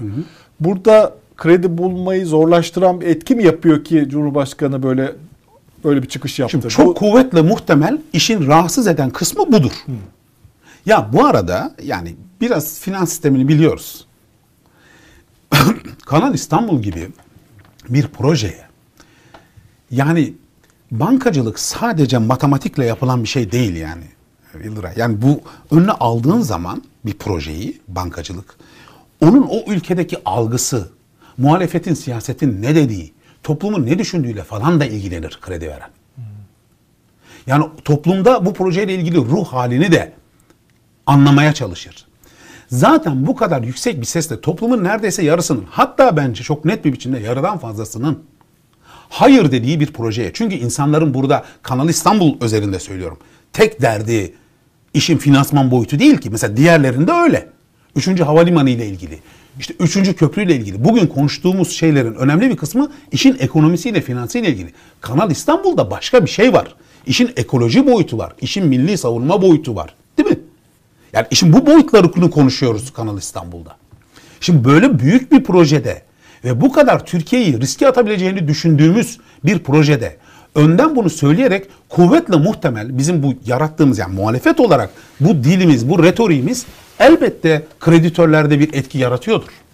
Zaten yaratsın diye söylüyoruz ya açık açık söyleyeyim yani bunu. Bunu yaratsın diye söylüyoruz. Bak Kanal İstanbul'da e, ülkenin kahir ekseriyetinin karşı olduğu ve tekrar altını çizerek söylüyorum sadece ekonomik değil, finansal değil, başka sorunların da olduğu bir meselede bugünden bu işlere girerek bunlara kredi sağlayacak ülkelerle ilgili olarak muhalefetin bu tavrı ortaya koyuyor olmasında hiçbir gayri hukuki bir durum yok. Yapmayın katılmayın diyoruz. Katılan da bunun bedelini öder yarın öbür gün bu iktidar değiştiğinde diyoruz. Ki oraya doğru gidiyor iş. Ama bak ben bir adım daha fazlasını söylüyorum. İbrahim Kahveci'nin, İbrahim Bey'in yazısından aldığım notlar üzerinden diyorum ki bu daha olacak. Olmuşu var. Üçüncü köprü var. Üçüncü havalimanı var. Şehir hastaneleri var.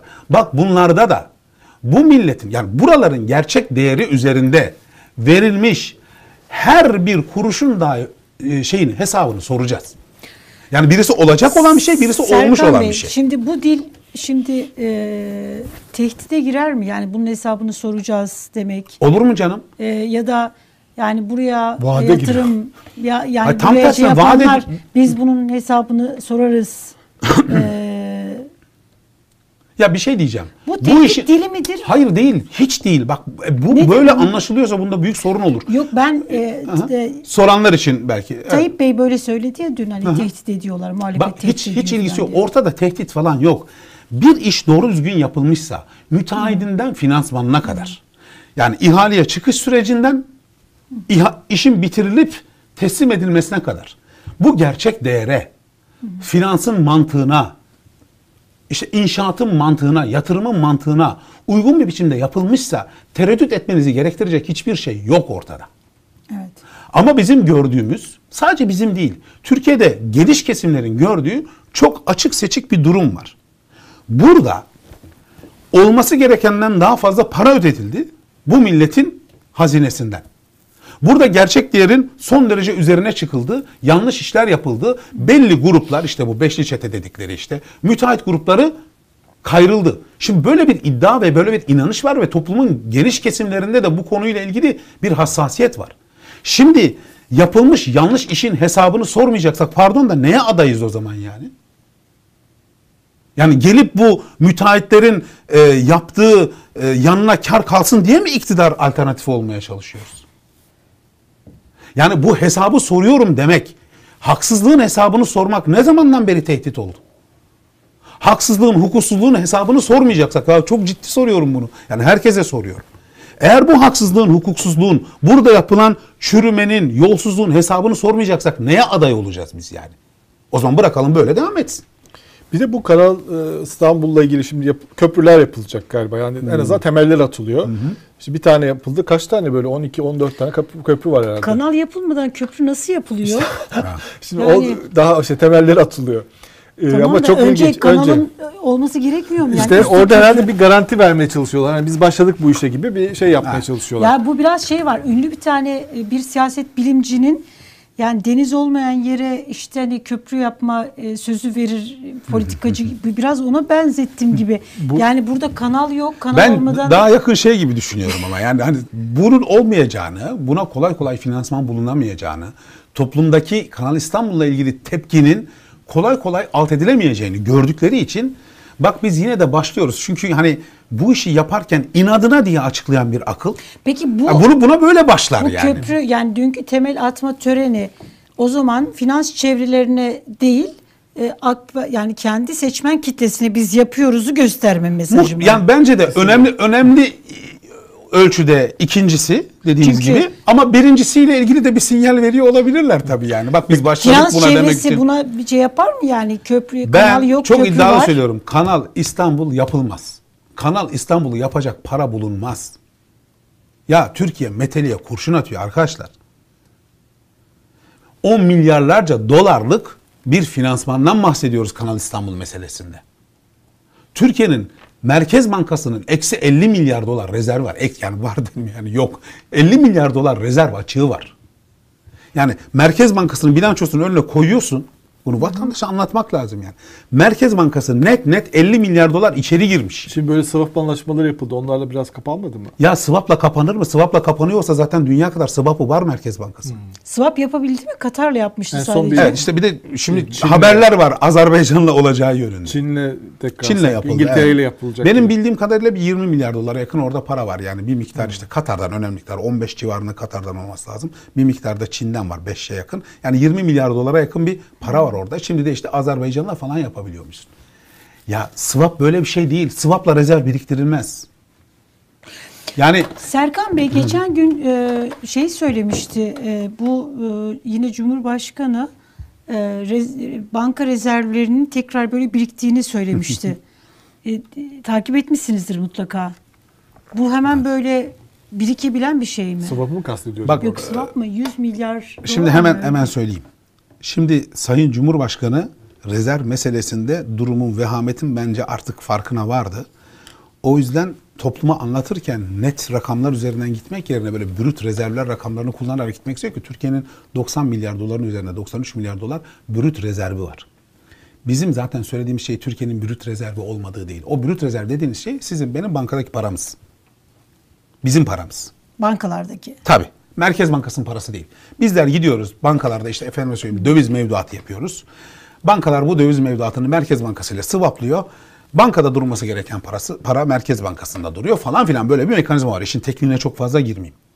Ortada Merkez Bankası'na ait bir para yok. Cumhurbaşkanlığı hükümet sisteminin başında 34 milyar dolar Merkez Bankası'nın artı pozisyonu vardı. Kendine ait bir parası vardı. Bu 34 milyar dolar gitmiş. Üstüne 48 milyar dolar da satılmış. Toplam 82 milyar dolar para gitmiş. Yani o 3 sene içerisinde verilmiş, ortadan kaybolmuş, buharlaşmış. Bu nedenle Merkez Bankası'nın net pozisyonu eksi 48 milyar dolar. Bu parayı biriktirmenin yolu belli. Ülkeye çok ciddi, güçlü bir sermaye giriş olması lazım. Allah aşkına ben size soruyorum. Ekonomi politikaları baş kurulu üyeleriyle ilgili dünden bu yana ortalığa çıkan ifşaatlar varken bir yabancı yatırımcısın. Türkiye'ye ciddi ve sert bir e, sermaye girişi yapar mısın? Bu para gelmez. Bu akıl iktidardayken bu ülkeye para gelmez. Bugünkü yoksulluğun da, bugünkü işsizliğin de, bugünkü üretimin durmasının da, yavaşlamasının da e, vatandaşın e, dünya standartlarında e, sert bir biçimde e, geçim konusunda zorluğa girmesinin de faizde, enflasyonda, kurda Afrika Ligi'ne düşmemizin de sebebi bu sistem, bu ekonomi politikası kurulu üyeleri, bu hükümet sistemi.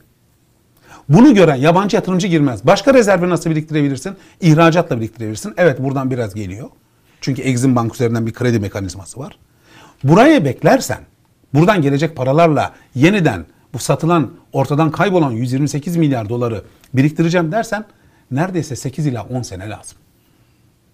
Hadi ihracatta işler daha iyi yolunda gitti 5 sene lazım. Biz bulunduğumuz yere geri dönebilmek için en az 5 seneye bak en az 5 seneye ihtiyacı olan bir ülkeyiz. Bu para birikmeyecek. Bu öyle bir hata yapıldı ki bu ülkede. O kadar büyük ve e, gayri hukuki bir para politikası yürütüldü ki ülkenin kaybı yıllar boyunca bize bedel olarak dönecek. Şimdi e, Cumhurbaşkanı televizyon programında bundan bir ay önce Ee, şöyle şey demişti. Merkez Bankası Başkanı ile konuştuk. O da işte faiz düşürmemiz lazım dedi. O da ne dedi? Temmuz Ağustos'u bekleyelim dedi değil mi? Temmuz Ağustos'ta geldi. Şimdi ne olacak peki? Bir şey olacak mı orada? O gün e, o bir tarih var mı Merkez E, Bankası? O gün o gün yani normalde olmaz da hiçbir ülkede. Hayır o böyle gün, o gün ben merkez- bir sosyal medyada bir şey paylaşmıştım. O gece Bunu- şey evet, o gece. biz çok konuştuk onu. Evet, Öyle çok kullanıldı o, rakam. ku- yani o geceki zarar. 90 yani milyar mı? Ya şimdi Türkiye Cumhuriyeti'nin cumhurbaşkanısınız. Bir televizyon kanalına çıkıyorsunuz. Normalde ortalıkta bir sorun varsa bunu biraz böyle sakinleştirmek, değil mi? Olayları soğutmak, biraz güven vermek falan gerekir. Bir de yıllardır yani artık hani bunu öğrenememek için de bilmiyorum yani. Yıllardır her konuştuğunuzda ve savunduğunuzda, iddia ettiğinizde her seferinde işler daha kötüye gitmiş. Her seferinde ama bak istisnasız bir kere bile normal gitmemiş işler. 450 milyar dolar dış borcumuz var kardeşim. Ya artık her tarafıyla yanlış olduğu biz baştan beri biliyorduk ama toplumun da yani sokaktaki 10 yaşındaki çocuğa sorsak önce faiz mi düşmeli, enflasyon mu düşmeli desek artık öğrendi. Daha hala çıkıp ben Merkez Bankası Başkanı ile konuştum. Faizi indireceğiz Temmuz'da Ağustos'ta dediniz. 20 kuruş oynadı. 20 kuruş. İşte 8.60'tı kur ya da 8.50 idi. 8.70'e geldi. 20 kuruş arttı. 20 kuruş arttığında bunu vatandaşa anlatmak lazım. 450 milyar dolar borcumuz olduğu için bu borç dolar cinsinden olduğu için 90 milyar lira ekstra yük bindi bu ülkenin üstüne. Bir ülkenin cumhurbaşkanının Hadi Cumhurbaşkanı da geçtim. Bir ülkede ya da siz hani basının içindesiniz. Dünyada hangi TV şovuna 90 milyar lira ödenir ya? ya hangi televizyon şovuna 90 milyar lira ödenir? Olimpiyat açılışı falan oldu. Ona, yani o, onda bile ödenmez Yıldıray yani 10 milyar dolardan bahsediyorum ya karşılığı. Ha, dünyada hangi medya kuruluşunun bir program için bütçesi 90 milyar lira olabilir ya? Ve tarih size başından beri bunu söylediğiniz zaman bu ülkede işlerin kötüye gittiğini göstermiş. Ya bu kadar vaziyetini, durumunu, işi bilmediğini kabullenmemek olabilir mi? Yani şuradaki 80 milyon insanın yoksulluğundan, hayatla, işte hayat pahalılığı mücadelesinden daha mı önemli sizin fikirleriniz ya? 2830 Ama fikir- lira olmuş fikir açlık açlık Serkan sınırı. Bey. Efendim? Fikir kıymetli yani fikirler önemlidir tabii ki. ya şöyle ben Sayın Cumhurbaşkanı'nın iyi bir ekonomist olduğu iddiasıyla ilgili bir şey söyleyecek falan değilim. Şimdi aynı meslekten olunca bunu söylemek hoş da olmaz. Ama eğer gerçekten güvenilir bir faiz enflasyon ilişkisi bilgisi olsaydı diyorum. Bu ülke bu kadar dayak yemezdi. Az önce bir örnek verdim ya devletin borcu 960 milyar liradan 2 trilyon liraya çıktı diye. Onun önemli bir kısmı dövizdeki artıştan kaynaklanıyor. Evet. Çünkü devlet borçlu. Ve siz bununla ilgili sanki bunlar hiç yaşanmamış, bunlar hiç olmamış gibi televizyona çıkıp ben konuştum Temmuz'da aslında. Ya Oldu mu? Temmuz'da Ağustos'ta bir şey olacak mı peki? hayır olmayacak. Bekleniyor ya, mu? Ya Temmuz Ağustos'u bırak. Zaten Sayın Cumhurbaşkanı gece saat 11'de 12'de yaptı bu açıklamayı. Sabah en erken saatte kendisini faizi düşürmesi için atadığı yeni Merkez Bankası Başkanı Cumhurbaşkanı'nı tekzip etti zaten.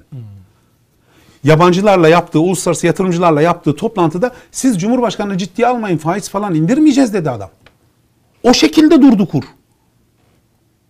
Yani biz her seferinde gece sırf içeriye bazı vazgeçmediği bir şeyi bak arkasında duruyorum fikrimi demek için Sayın Cumhurbaşkanı'nın konuşmalarını bir gün sonra da ya sözlü ya da faiz artırarak Merkez Bankası müdahalelerini yaşayan bir toplum haline dönüştü. Ama Merkez Bankası Başkanı orada hani çok ekonomik böyle e, lit- literatürüyle konuşarak bir şey söyledi. Gündemimizde yok dedi şu anda böyle bir şey. Bunu söyleyen bütün Merkez Bu Bankası ekonomi literatürü tarafı gündem mi yok mu? Hangisi yani? yani şey hani e, bir artış olmayacak. Olmayacak. Ya pardon. Düşmeyecek. Düşmeyecek. Akıbeti ne olur diyorsun Ha, Merkez Bankası Başkanı. Yok bunu bu, o Cumhur şey Merkez Bankası Başkanı söylediği cümleyi söyleyen bütün Merkez Bankası başkanları görevden alındılar. 20 gün sonra, bir ay sonra filan. Ben bu yeni başkanımızın bu konuda daha şanslı olduğunu düşünüyorum. Yani kendisi e, çünkü Merkez Bankası başkanlığından sonra ben açıkçası bir kere bir televizyon kanalında izledim. Burada kanaatimi de söylemiştim. Bir Merkez Bankası'ndan çok eski görevi olan bir Bayburt milletvekili gibi konuştu. Yani tarih görmemiştir bir Merkez Bankası Başkanı'nın SİHA'ya ve İHA'dan bahsettiği bir programı yani. Evet. Yani bir an için düşünsene yani Jeremy Powell çıkıyor işte CNN'e e, Amerikan e, savunma sistemlerinden bahsediyor. F-35'lerden bahsediyor falan Yani yani. Parayı nereden buluyoruz diyor. Ya da parayı burada nereden buluyoruz biliyor musunuz diyor yani. Bu mücadeleler kolay mı yapılıyor falan diyor. Evet.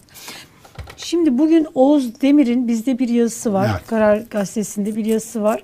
Orada 22 milyon yoksulluk yani yoks- yoksul doğru. sayısının 22 milyona ulaştığı, Yok.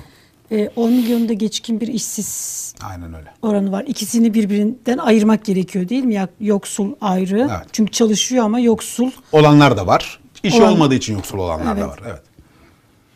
Bununla ilgili Çok büyük değil mi yani bu? Evet, evet çok büyük. Bununla ilgili şu e, Oğuz Bey'in yazısını ben henüz okuyamadım. E, okurum bugün gün içinde. Mutlaka okuyorum Oğuz Demir'in yazılarını. Bu bahsettiği 22 milyon rakamı Türkiye İstatistik Kurumu'nun son açıkladığı TÜİK gelir, rakamı. evet gelir ve yaşam koşulları anketi var. Yıllık rakamlara bakılıyor orada. Tabii e, 2020 yılında pandeminin falan da etkilerini hani biliyoruz. E, onunla birlikte zaten e, Türkiye'de de tüm dünyada olduğu gibi bu rakamlarda bir artış beklerdik. Ama altını çize çize söylediğimiz bir şey var. Bence bunu da çok sık tekrar etmek lazım. Türkiye'de ekonomiyle ilgili çöküş, para politikasının iflas etmesi, kamu maliyesinin iflas etmesi, bankacılık sektörüyle ilgili uygulanan politikaların saçma sapan bir noktaya gitmesi falan. Yolsuzlukla mücadele, yoksullukla mücadele. Bunların hiçbirisi pandemiyle başlamadı. Türkiye Cumhurbaşkanlığı hükümet sisteminin başından beri hatta bir miktar daha geriye gidersek AK Parti içindeki Sayın Davutoğlu'nun işte Sayın Soylu'nun bugün büyük bir e, şeyle, güçle, büyük bir rahatlıkla anlattığı kumpas girişiminden sonra rakamların hepsini inceleyebilirler. Ben bir kere bir sosyal medyada bunu da paylaşmıştım. Yani tekrar da paylaşabiliriz. Türkiye'de son 4-5 senedir hızla aşağı doğru gelen bir şey var. Bunu anlamamız lazım Elif Hanım. Bunun çok basit bir sebebi var.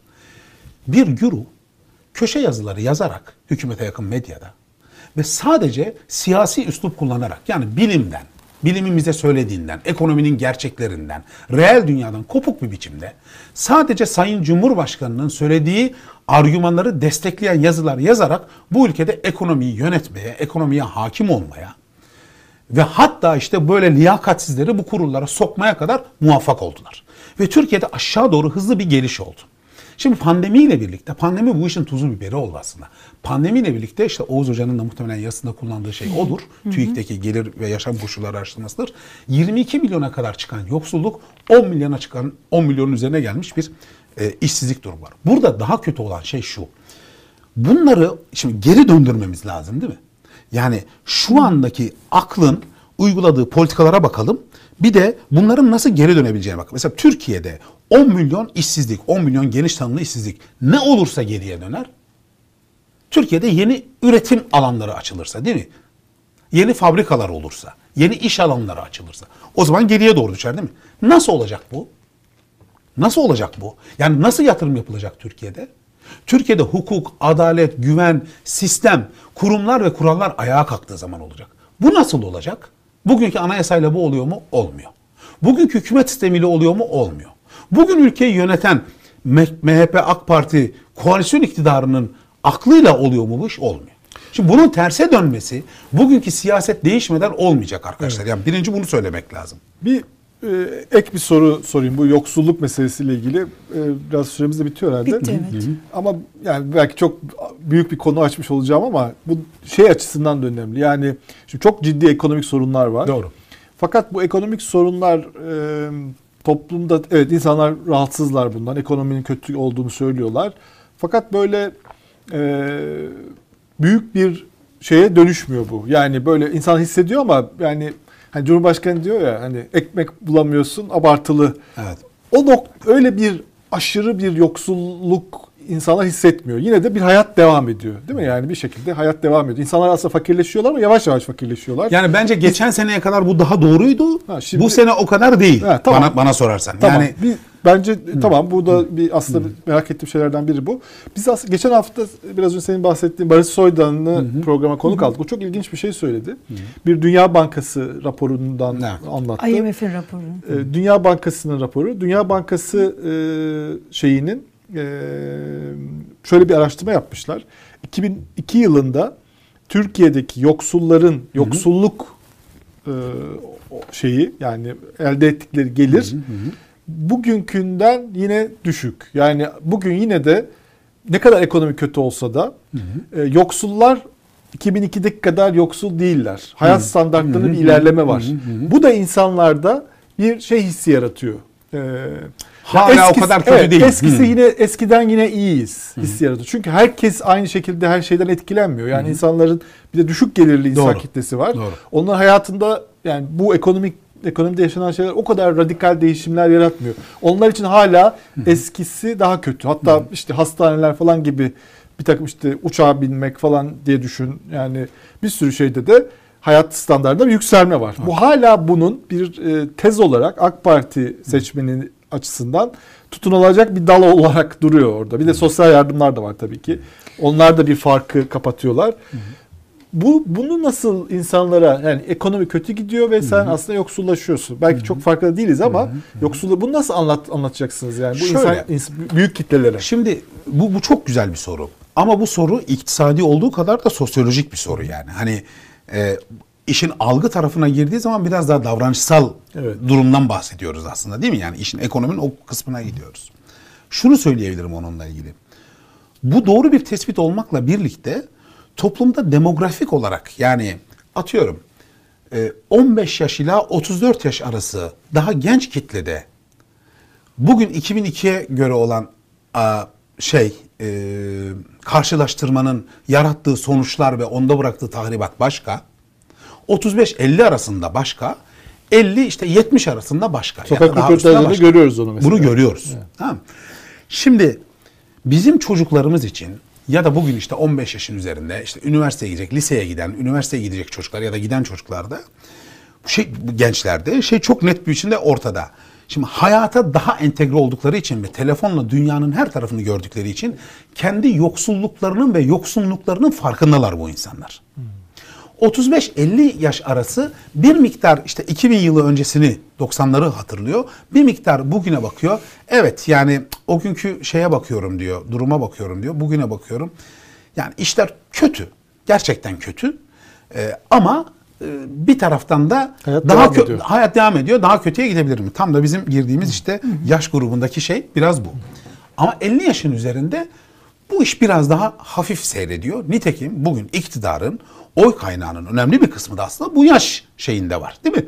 Yani bunu da biliyoruz yani demografik olarak bakıldığında yani nasıl coğrafik olarak işte sahiller değil de Anadolu'da iç tarafta güçlüyse iktidar benzer bir biçimde demografik olarak da bu 50 yaş üstünde oldukça Sokak güçlü. röportajlarında yaşlı e, amcalar özellikle gençlere hani yoksulluktan şikayet edenler elinde telefon var diyorlar. Tabii. Mesela. Hala kadar yaygın şey elinde bu. telefon var ya bunu bir zenginlik olarak görüyor. Ya da işte burada tüp kuyrukları diyor tamam mı? Yani iki sene önce de domates marul kuyruğu vardı yani. Tamam mı? Yani bunu bu, bu bence biraz zaman içerisinde daha da oturacak insanların kafasında. Yani gerçekten yoksulluk ne? Şimdi bir de zamanın ruhu diye bir şey var. 2000 yılından sonra dünya büyüdü kardeşim. Yerinde duranlar bile büyüdü. Yani küçülmediysen yani saçmalayıp işi şirazesinden çıkarıp rayından çıkarıp saçmalamadıysan zaten zenginleştin. Bunun örneğini de verip kapatayım.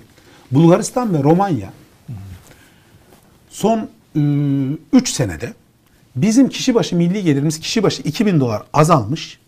Romanya'da 2000 dolar artmış, Bulgaristan'da 1600 do- e, dolar artmış. Kişi başı milli gelir. Yani biz 2000 dolar fakirleşmişiz. Adamlar 2000 dolar daha fazla kişi başı milli gelire sahip olmuş. 2000 yılında biz bu adamlardan kişi başı milli gelir olarak 3 kat daha büyüğüz. Böyle bir 20 sene yaşadı dünya. İnanılmaz paranın basıldığı, bolluğun olduğu, kamu maliyesinin genişlediği, 2008-2009 krizinden sonra merkez bankaları bilançolarının %500, %700 büyüdüğü bir dönem geçirdi. Ve biz bu dönemi hiçbir şeyinden faydalanamadık. Neredeyse hiçbir şeyden. Faydalandığımız dönemler oldu. Onu da aldık, rezil rüsva ettik. 3-5 tane politika kurulu üyesi liyakatsiz yüzünden. O yüzden bence önümüzdeki dönemde hızlı bir biçimde, artan bir biçimde bu demografi, bu gelen alttan gelen genç, yani orta genç ve orta yaş e, grubu buradaki yoksunluğumuzu ve yoksulluğumuzu daha fazla dile getirecek. Bunun bir siyasi karşılığı olacak. Açıkçası ben bu zamanın geçmesinin bu son e, anketlere anketlerde AK Parti MHP koalisyon iktidarının aşağı doğru gitmesiyle de ilişkili olduğunu düşünüyorum. Zaman geçtikçe daha Daha da artacak bu. geliyor. Tabii tabii. vermeye. Yani Türkiye'de ben şu şunu, şunu da söyleyeyim. Türkiye'de eski ezberlerle vatan millet Sakarya'yla vay efendim işte e, Amerika'dan da daha iyiyiz. Uçuyoruz, kaçıyoruz, şahlanıyoruz. Siyasetinin bittiğini çok net bir biçimde görüyorum. Yani bunu siyasetin içinde olan birisi olarak söylüyorum. Yeni bir şeyler söylemeyen hiç kimsenin de siyasette bundan sonra kalıcı olabilmesi mümkün değil. Çünkü artık toplum uluslararası bilgiye Yani İngiltere'de Karşılaştırmaya- aşı 100 sterlin değil mi? İngiltere'de aşı üstelik değil mesela evet. E, Dağları delendi ve e, Aşık Veysel değildi Yıldıray. Değil Ama yani. bunu söyledi Cumhurbaşkanı 100 sterlin alıyorlar diye. Evet, E, Hristiyan Onu söyledi. olarak. Dağları da dedi ya Aşık Veysel gibi dağları deldik filan. Evet. Yani. Çok Neyse. teşekkürler. Ben çok Ee, teşekkür ederim. oldu, Çok sağ olun. evet. Ee, şu işsizlik filan bunları da konuşuruz. Konuştuk Aslında artık, ve bit, bitiriyoruz. Ee, teşekkürler. Ben teşekkür ederim. Sağ olun. Şu şeyin Sezgin Baran Korkmaz'ın aslında sisteme nasıl girdi şu masak raporlarını filan ko- konuşmayı planlıyorduk evet, ama başka bir zaman konuşalım. Daha öyle görünüyor ki Sezgin Baran Korkmaz'da Tabii, Korkmaz, Çok Sezgi Baran Kara- Korkmaz'a müsait Korkmaz. Karacalar bunlar hiç bizim gündemimizden düşmeyecekler. Öyle çok görünüyor. teşekkürler. Ben teşekkür çok sağ olun. Çok sağ İyi ki olun. geldiniz. Sağ olun. Evet programımızın sonuna geldik. Bugün Gelecek Partisi Sözcüsü Serkan Özcan'ı ağırladık. Yarın aynı saatte yine biz burada olacağız. Sizler de olursanız seviniriz. Görüşünceye kadar kendinize iyi bakın.